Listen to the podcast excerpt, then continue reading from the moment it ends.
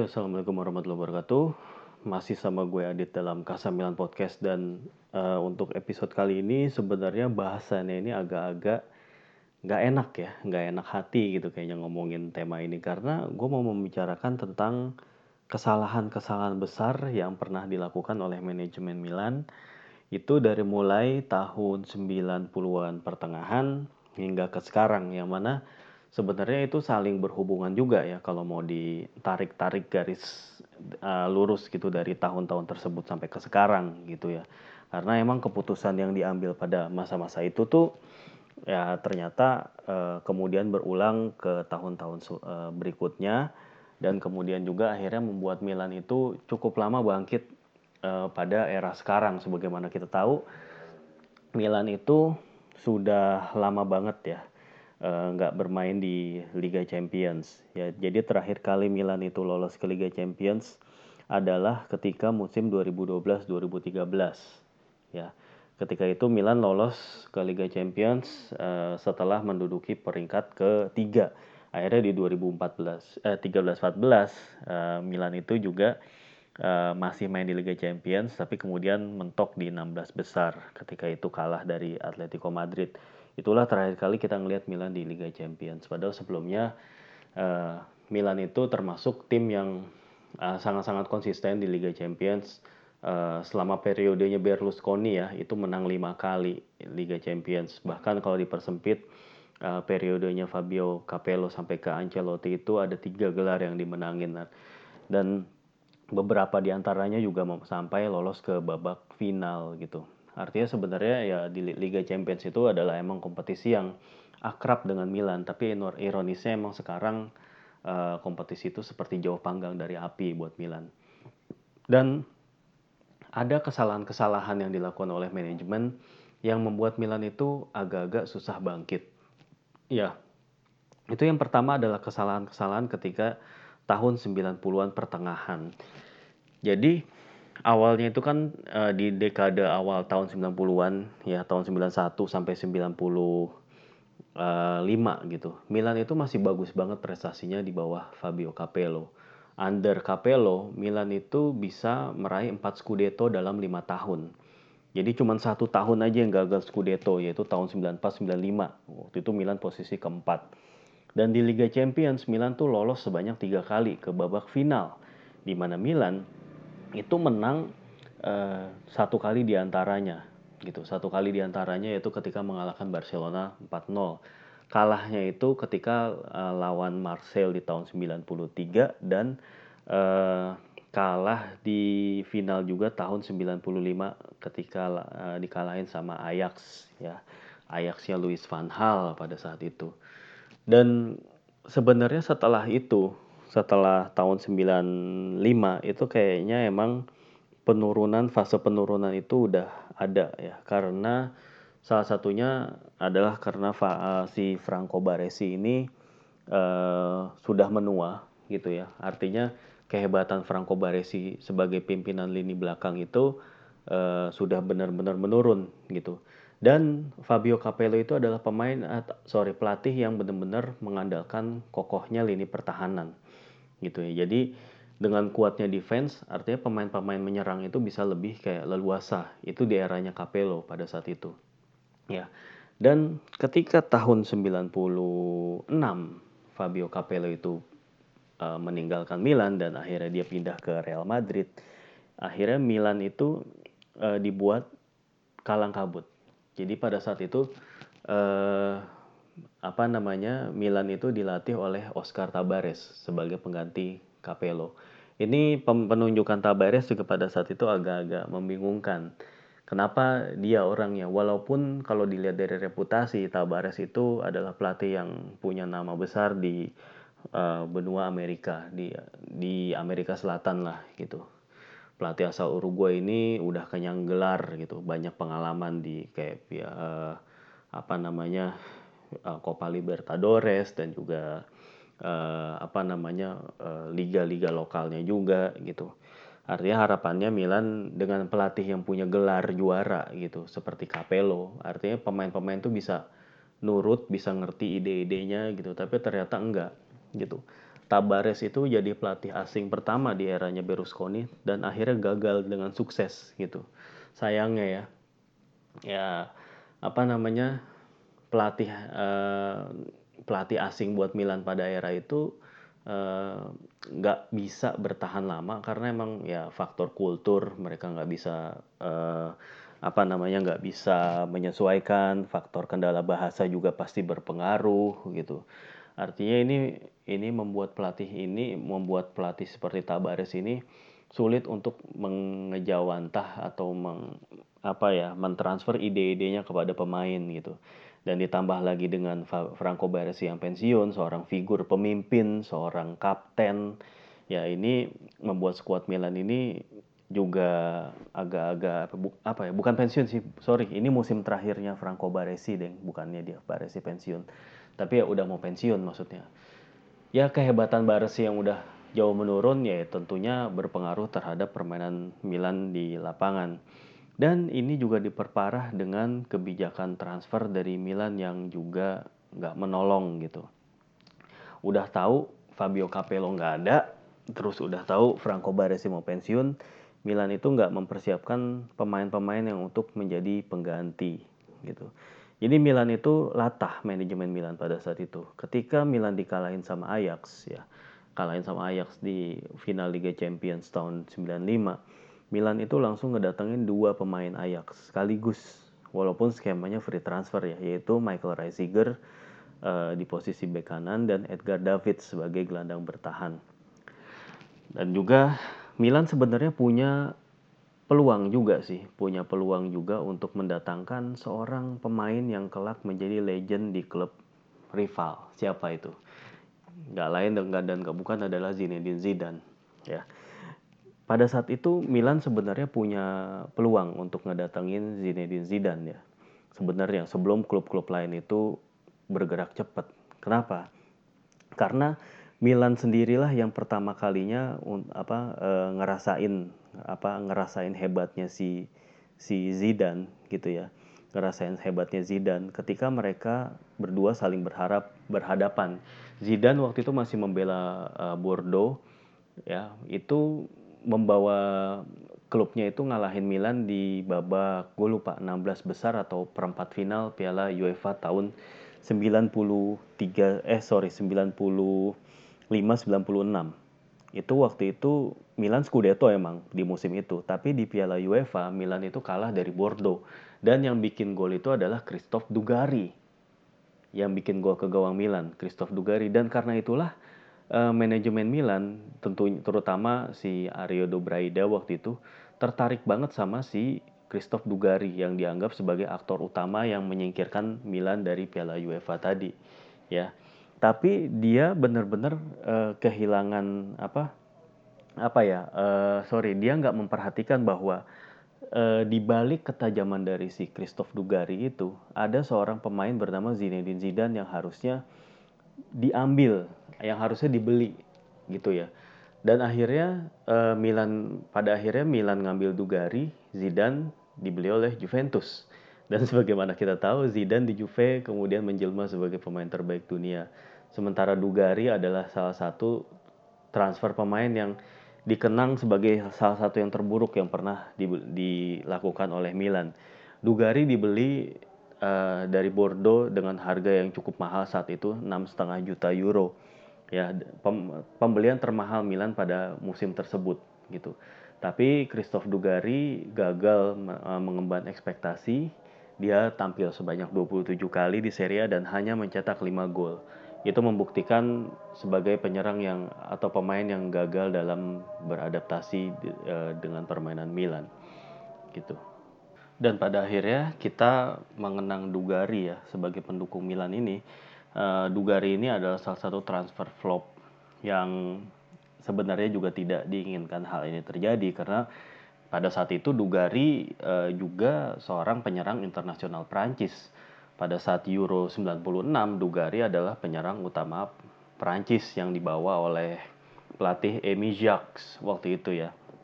Cuman ya sayang aja emang dia nggak bisa beradaptasi dengan tuntutan sepak bola Italia yang tentunya levelnya lebih tinggi dari Prancis.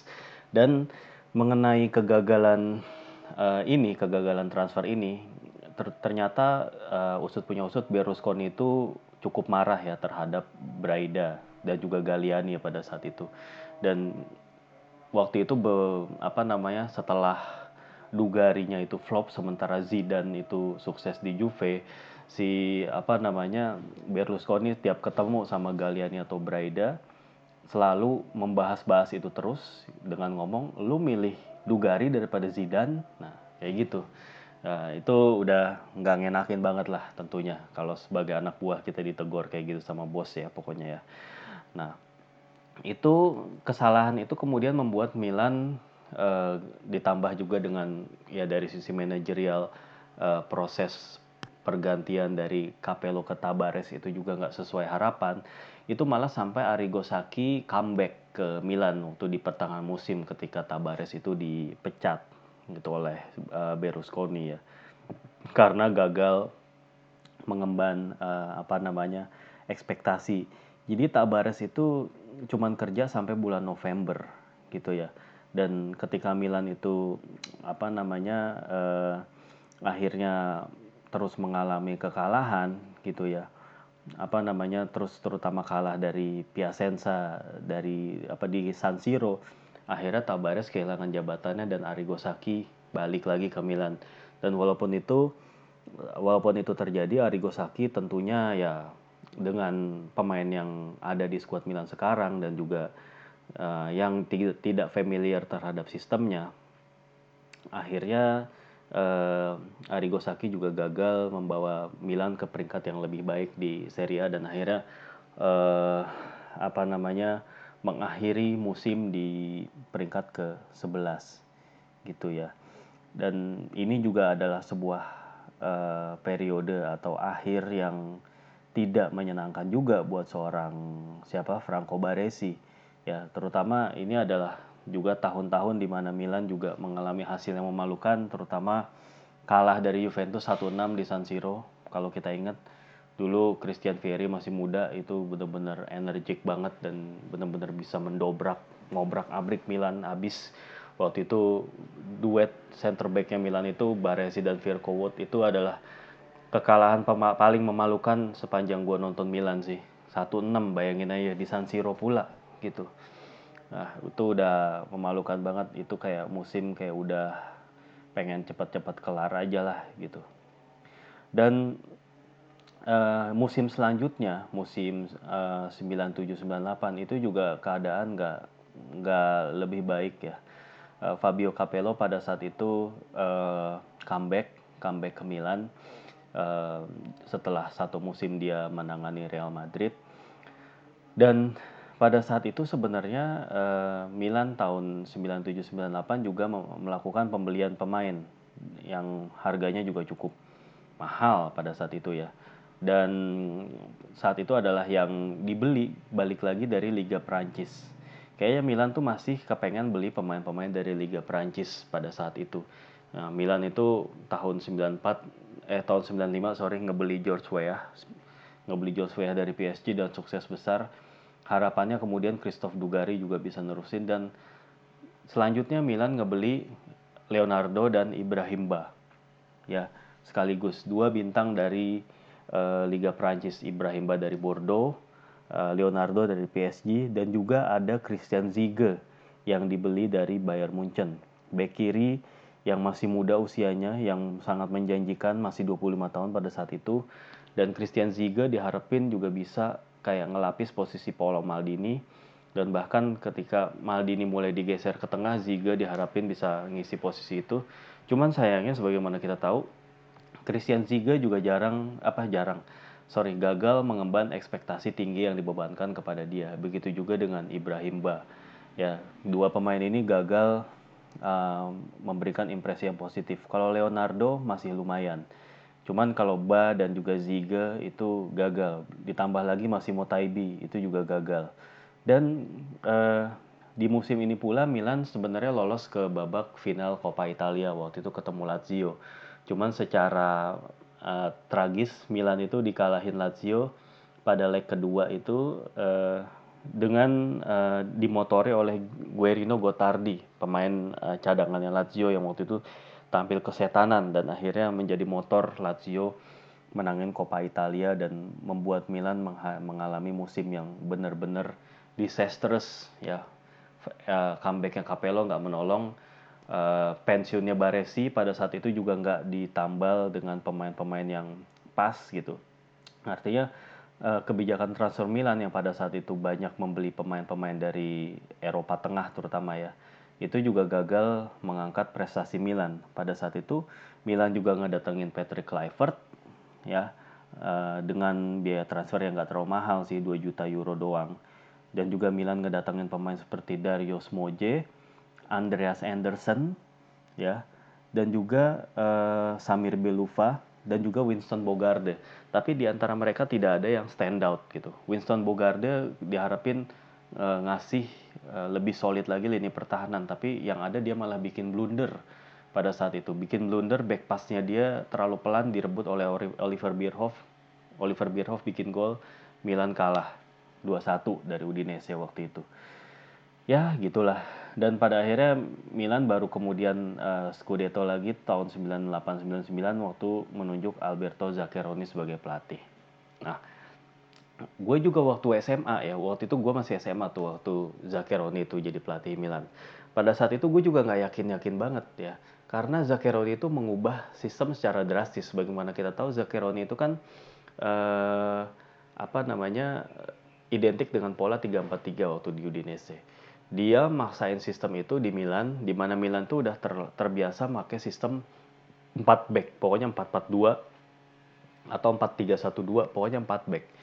Dan awal-awalnya sistem ini nggak berjalan dengan baik, sehingga uh, Milan itu sempat terpuruk Lalu kemudian uh, dengan bangkitnya pemain seperti Ambrosini, juga Boban, akhirnya si uh, Zaccheroni berhasil nemuin komposisi pemain terbaik dan akhirnya Milan Scudetto pada tahun tersebut. Tapi pada tahun-tahun itu, gue sendiri nulis di buku catatan gue waktu itu ya, catatan gue waktu gue SMA. Tapi gue lupa buku catatan itu ada di mana. Gue nulis pakai tulisan tangan. Gue inget, gue bilang begini waktu itu. Uh, jadi walaupun Scudetto ya kata gue waktu itu tapi permainan Milan itu nggak meyakinkan. Dan uh, apa namanya kemenangan-kemenangan Milan itu banyak ditentuin oleh uh, gol-gol di menit terakhir karena emang pemain pemain-pemainnya emang berkualitas. Itu yang gue bilang waktu SMA tapi ternyata ya ya emang begitu kejadian kejadiannya gitu ketika menghadapi musim kedua Zaccheroni itu nggak bisa mempertahankan performa Milan seperti di musim pertama dia. Dan dia akhirnya gagal mempersembahkan Scudetto dan juga di Liga Champions tersingkir di penyisihan grup. Dan itu akhirnya bikin Berlusconi itu uh, murka. Akhirnya uh, Alberto Zaccheroni juga nggak diperpanjang atau ya cuman sampai musim keduanya doang. Dan Berlusconi pernah bilang kalau Zaccheroni ini ibarat uh, penjahit baju yang nggak bisa menjahit kain, kain mahal. Itu perumpamaannya si Berlusconi buat Zaccheroni pada saat itu. Ya dan uh, kemudian setelah eranya Zaccheroni itu uh, selesai Milan itu menunjuk kembali menunjuk pelatih uh, asing. Pelatih asing yaitu Fatih Terim pelatih asal Turki. Dan ngomong-ngomong soal Terim uh, Terim itu berita hari ini yang gue dengar dia positif terjangkit coronavirus. Uh, semoga aja mantan pelatih Milan ini dan juga pelatih yang juga pernah bersinar di Fiorentina ini cepat uh, pulih gitu ya.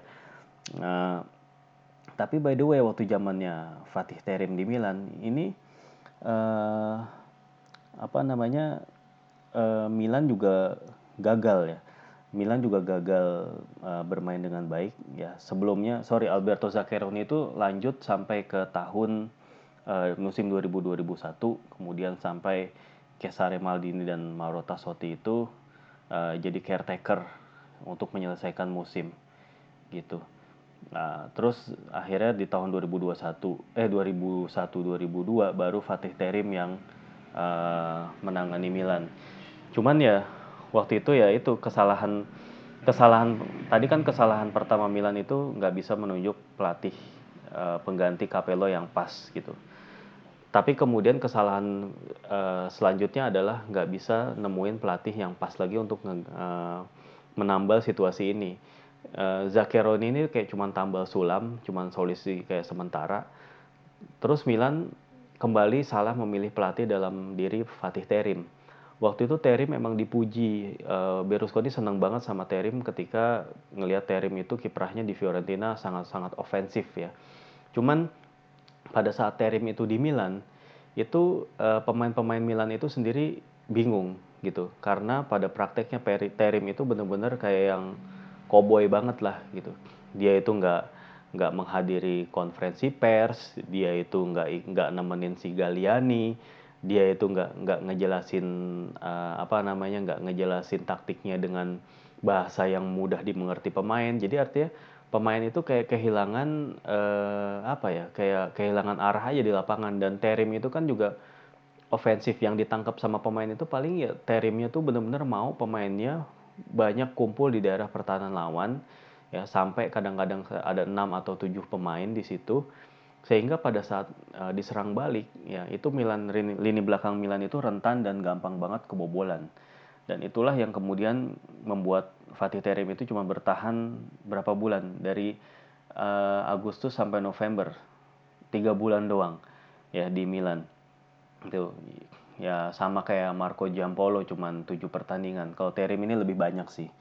Tapi kemudian uh, dari situlah uh, datang sosok Carlo Ancelotti akhirnya yang berhasil menstabilkan Milan yang sebenarnya dihuni oleh pemain-pemain yang bermaterikan bagus pada saat itu ya jadi kesalahannya itu adalah menunjuk pelatih yang salah padahal pemain-pemainnya itu bagus itu ada Rui Costa di situ ada Rui Costa yang baru didatangin dari uh, Fiorentina pada musim tersebut. Belum lagi ada Fernando Redondo, juga masih uh, ada Sheva, ada Pipo Inzaghi. Artinya dengan skuad seperti itu harusnya Milan itu bisa uh, bersaing di jajaran Scudetto, tapi kenyataannya enggak. Gitu. Dan akhirnya uh, Ancelotti sebagai mantan pemain itu datang menstabilkan situasi. Dia emang pelatih yang terkenal punya kemampuan manajerial baik. Statusnya sebagai mantan legend Milan juga membantu uh, dia banget pada saat uh, dia berkomunikasi dengan pemain-pemain yang masih ada ya kayak Maldini masih ada di situ, uh, Costa Curta masih ada di situ, pemain-pemain yang masih dikenal oleh Ancelotti. Dan akhirnya dari situlah Ancelotti meraih sukses uh, sehingga kemudian sepanjang karirnya sama Milan seba, uh, selama 8 atau 9 musim itulah ya akhirnya Ancelotti meraih kesuksesan. Nah, kemudian bukan berarti era kesuksesan era apa Ancelotti ini juga nggak meninggalkan hmm, kesalahan yang dilakukan manajemen. Kesalahan berikutnya yang dilakukan oleh manajemen adalah terlalu banyak mengontrak pemain-pemain yang mahal dan akhirnya menjadi cikal bakal uh, kesulitan keuangan Milan gitu ya. Terlalu banyak mengontrak pemain mahal ini membuat Milan terpaksa menjual Andriy Shevchenko ke Chelsea tahun 2006 ya itu sebenarnya Milan itu eh, nggak uh, mau ngejual Sheva tapi karena emang ya selain Shevanya sendiri yang mau pergi ya karena desakan dari pada saat itu istrinya pengen pindah ke London dan juga emang Milan mulai agak-agak goyang kondisi keuangannya gitu ya. Akhirnya Sheva pindah ke Chelsea dan uh, krisis keuangan itu atau kayak kesulitan mulai kemunduran keuangan itu makin terasa ketika Ricardo Kakak dijual juga ke Real Madrid. Walaupun dengan harga yang sangat mahal banget 67 juta euro pada saat itu sampai saat ini Kakak adalah pemain termahal yang dijual oleh Milan gitu ya dan Kakak juga adalah transfer terbaik sampai saat ini yang dilakukan oleh Milan bayangin aja Kakak waktu itu dibeli cuman 8,5 juta euro uh, to put uh, in the context gitu ya pemain-pemain yang kualitasnya seperti Kevin Constant itu juga harganya 8 juta euro. Bahkan pemain-pemain seperti uh, siapa Andrea Poli itu harganya lebih mahal dari Kakak. nah, gitulah pokoknya. Terus uh, yaitu kesalahan selanjutnya Milan gak terlalu merhatiin masalah finansial dan pada akhirnya uh, kemunduran finansial itu mencapai puncaknya pada era uh, tahun ketika senatori-senatori Milan itu pada pensiun di tahun 2012 secara nyaris bersamaan. Tinggal sisanya Ambrosini sama Abiati doang. Yang lainnya pada entah itu pensiun atau kontraknya habis dan mereka pergi dari Milan. Dan Milan itu nggak nyiapin pemain pengganti yang bener-bener pas gitu ya. sebenarnya Milan punya kesempatan untuk beli pemain-pemain pengganti. Tentunya setelah uh, para senatori pergi itu kan artinya beban biaya gajinya itu jadi kayak makin turun. Harusnya Milan itu bisa mengalokasikan biaya-biaya itu untuk pemain-pemain yang lebih potensial. Yang ada ini malah Milan ngebuang pemain potensial mereka seperti uh, Brian Cristante. Waktu itu gue tuh bener-bener kayak nggak habis pikir kenapa Milan ngejual Cristante ke Benfica waktu itu ya. Uh, Cristante itu pengen uh, jadi pemain inti, tapi kemudian nggak dikabulkan pada saat itu Milan dilatih sama kalau nggak salah Allegri ya. Ya. Dan akhirnya Cristante pergi dan sekarang uh, Cristante main di Roma dan juga uh, main di timnas Italia yang ternyata jadi gelandang andalan juga. Ini salah satu kesalahan besar Milan juga menurut gue. Mereka harusnya bisa uh, ngebeli Cristante eh, apa mempertahankan Cristante itu jadi kesalahan uh, Milan selanjutnya gitu. Artinya pemain-pemain seperti Cristante ini nggak nggak dianggap sebagai pemain yang penting sehingga malah memilih pemain-pemain kayak Essien, kayak Montolivo, kayak Muntari dan lain-lain. Akhirnya pemain kayak Cristante malah yang dikorbanin gitu. Itulah yang menurut gue uh, sulit untuk dilupakan. Selan kesalahan Milan selanjutnya itu adalah ketika uh, manajemen itu lebih memilih mengontrak Alessandro Matri ketimbang Carlos Tevez.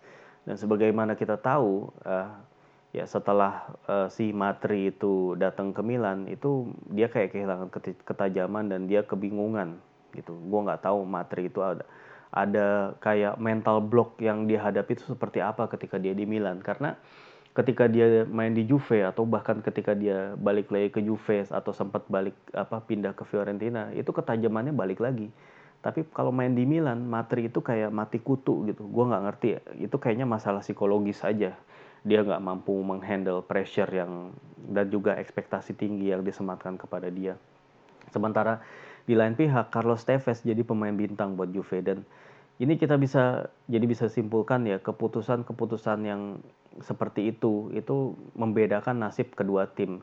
Juve apa Tevez bersama Juve itu berjaya ya. Waktu itu Juve juga bersama Zidane berjaya dan akhirnya Milan juga yang yang memberikan dalam tanda kutip Andrea Pirlo kepada Juve.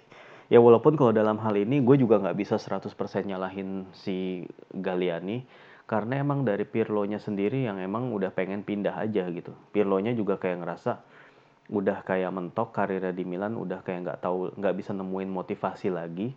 Ya dan akhirnya emang dia pengen pindah. Menurut gua ya emang sih dia pindahnya ke Juve dan itu uh, bikin bitter buat uh, apa pendukung Milan. Tapi kalau dilihat dari sisinya Pirlo, gue bisa memahami bahwa untuk pemain dengan usianya dia waktu itu kan dia di Juve udah di atas 30 ya dan pengen menemukan motivasi kembali menurut gue emang emang emang harus pindah aja gitu. Cuman emang pindahnya ke Juve yang disayangkan walaupun bisa dipahami juga lagi-lagi tim yang pada saat itu serius untuk nawarin peran itu adalah Juve gitu. Tapi itu jadi ya gimana ya ya bagian dari kesalahan Milan juga sih menurut gue gitulah. Dan kemudian kesalahan Milan selanjutnya tentu pada era uh, Yong Hong Lee tentunya. Pada saat Yong Hong Lee masuk itu sebenarnya Milan punya kesempatan gede banget loh untuk kayak ngerombak tim, untuk kayak ngebuang para Deadwood, ngebuang para pemain-pemain yang nggak berkontribusi maksimal, diganti sama pemain-pemain baru tentunya dengan uh, kemampuan yang lebih baik dengan uh, lebih pemain yang lebih seger, yang lebih apa ya, pemain yang lebih bisa menghargai Milan gitu. Cuman emang agak sulit sih ya ngedatengin pemain pada saat itu. Gue bisa pahami juga bagaimana Mirabelli menghadapi situasi ini.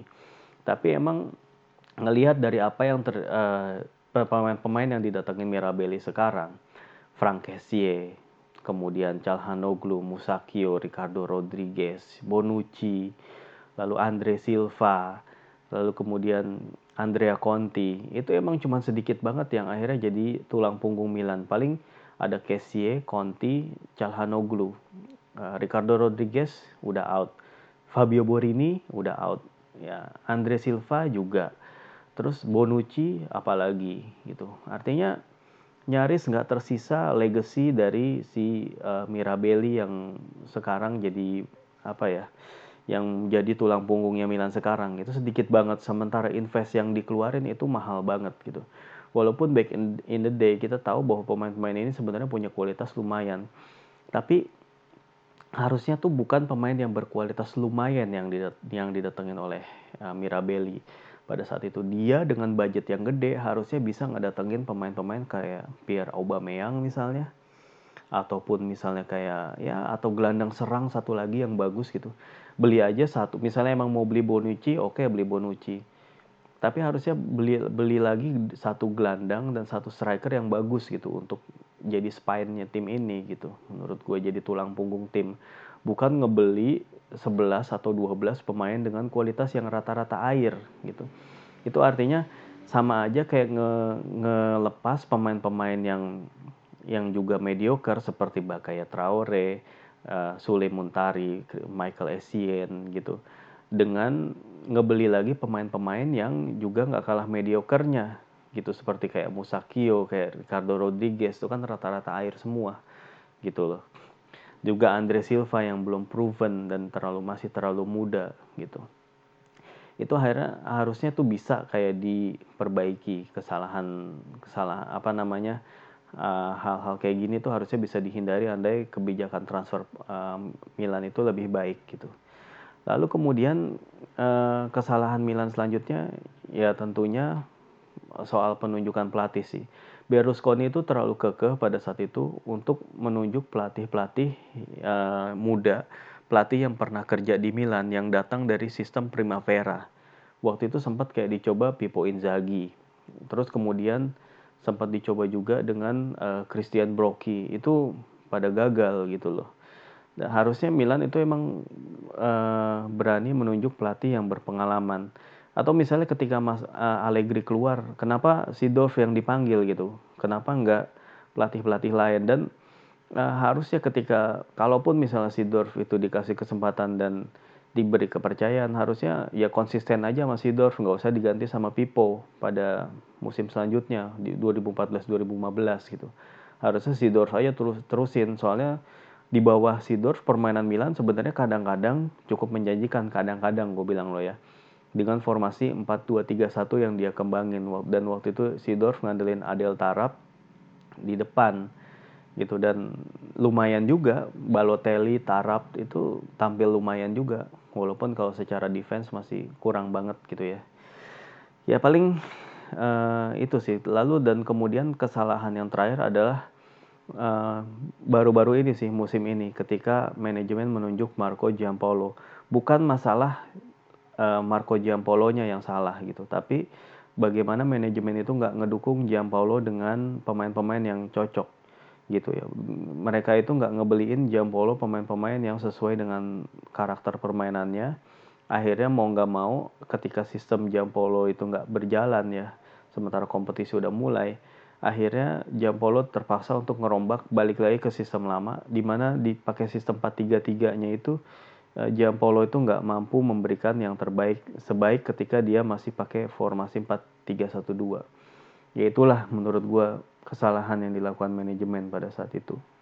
Dan ya akhirnya membuat Milan ya stuck aja gitu di posisi yang kayak sekarang. Ya jadi kalau bisa gue simpulkan pertama kesalahan-kesalahan manajemen Milan yang gue ingat adalah ketika mereka satu nggak mempersiapkan pelatih pengganti Capello pada 90 pertengahan yang kedua mereka juga nggak mempersiapkan regenerasi pengganti Franco Baresi pada saat yang sama Lalu yang ke uh, yang ketiga, pada era Ancelotti, Milan itu terlalu beli banyak pemain bintang dan gak mengimbanginya dengan pemasukan yang juga uh, sama bagusnya gitu, yang juga sama tingginya. Dan pada akhirnya ketika pemain-pemain itu pergi, nggak ada regenerasi, kebijakan transfer juga makin berantakan. Terus selanjutnya adalah Milan itu terus uh, percaya sama pelatih-pelatih yang masih rookie, masih beginner ketika menggantikan posisi Massimiliano Allegri. Ya, Milan bahkan juga sempat menunjuk Leonardo, tapi penunjukan Leonardo ya nggak jelek juga sih sebenarnya. Leonardo bisa ngebawa ke peringkat ketiga dengan permainan yang bagus gitu. Walaupun kalau dengan materi yang ada pada saat eranya Leonardo itu juga sebenarnya bisa jadi Scudetto gitu. waktu itu kan 4-2 Fantasia pelatihnya apa formasinya Leonardo kalau lu inget nanti mungkin gue akan bahas khusus sesi tentang zamannya Leonardo kali ya waktu 4-2 Fantasia gitu ya. Ya tapi itu tadi yang gue simpulkan uh, kesalahan manajemen Milan itu tadi yang ke berapa? Ketiga ya ya tadi kan pertama nggak nyiapin pengganti Capello kedua nggak nyiapin pengganti Baresi ketiga uh, nggak apa namanya uh, pada era Ancelotti uh, spendingnya tuh terlalu nggak terkendali gitu. Kemudian yang keempat uh, pada setelah setelah Allegri itu diganti pelatihnya tuh selalu pelatih pelatih yang uh, rookie pelatih pelatih yang belum punya pengalaman uh, untuk menangani klub sebesar Milan. Berlusconi itu masih terlalu uh, percaya bahwa Milan itu bisa menelurkan Saki-Saki atau Arrigo Saki Arrigo Saki berikutnya. Padahal setelah itu nggak ada gitu. Terus yang kelima, eranya Mirabelli, eranya Yong Hong Lee, harusnya Milan itu bisa ngerombak tim dengan kebijakan transfer pemain yang lebih baik. Dan yang keenam adalah yang baru-baru aja, harusnya ketika Milan meng-hire Giampolo, mereka mendukungnya dengan squad yang juga cocok untuk karakter permainan dia. Ya. Ya, dan juga oh ya, uh, last but not least itu kesalahan-kesalahan uh, transfer, kesalahan transfer beberapa pemain yang juga berandil pada posisi klasemen yaitu seperti kayak dilepasnya Pirlo. Ya walaupun tadi ada andil dari kedua belah pihak seperti yang gue bilang. Lalu kemudian dibelinya Alessandro Matri daripada si Carlos Tevez dan juga tadi dibelinya Christophe Dugari bukannya Zinedine Zidane gitu. Ya artinya di situ Milan kayak tiga kali ngebantuin Juventus di situ. Soal Matri soal Pirlo juga soal Zidane waktu itu. Lu bayangin kalau seandainya yang terjadi yang sebaliknya mungkin Milan akan lebih baik lagi balik lebih baik lagi daripada sekarang. Who knows gitu ya. Walaupun kita juga uh, kita juga nggak bisa memastikan apakah benar seperti itu karena ini kita hanya semacam uh, berandai-andai aja gitu ya udah sih um, itu aja yang mau gue bahas untuk episode kali ini episode kesalahan-kesalahan manajemen. Ya semoga aja nggak terulang lagi kesalahan-kesalahan yang sama dan semoga Milan cepat bangkit. Ya dan buat teman-teman yang masih berada di rumah ataupun masih terpaksa harus bekerja di tengah pandemik ini ya gue cuman berpesan supaya tetap waspada tetap berhati-hati nggak menganggap enteng. Ini virus corona bukan flu biasa gue harap teman-teman di sini juga bisa menjaga kesehatan, menjaga kebersihan, dan nggak tergoda untuk kayak keluar rumah untuk melakukan aktivitas yang nggak penting-penting amat gitu. Sekarang ini emang ya er eranya seperti ini kita kayak kayak disuruh diem gitu, kayak kita disuruh diem, disuruh uh, istirahat dulu. Dunia itu kayaknya udah terlalu uh, apa ya? Apa ya istilahnya ya mungkin dunia itu udah terlalu banyak diforsir gitu kali ya oleh penduduknya ya. Sehingga ya sekalinya berhenti ya kayak begini. Artinya aktivitas manusia itu kayak kayak berkurang drastis banget gitu kalau sekarang-sekarang ini. Gitulah uh, gitu aja. Stay safe ya teman-teman. Stay healthy stay clean dan juga uh, tetap ikutin podcast-podcast yang membahas eh, konten-konten seperti ini. Ya karena emang ya nggak ada berita yang cukup menarik juga belakangan ini. Maksudnya berita-berita yang aktual dan juga nggak ada pertandingan. Jadi memang nggak ada yang bisa terlalu dibahas secara mendetail. Uh, oke okay deh kurang lebihnya mohon maaf. Lagi-lagi terima kasih udah ngedengerin uh, Kasamilan Podcast. Ya wassalamualaikum warahmatullahi wabarakatuh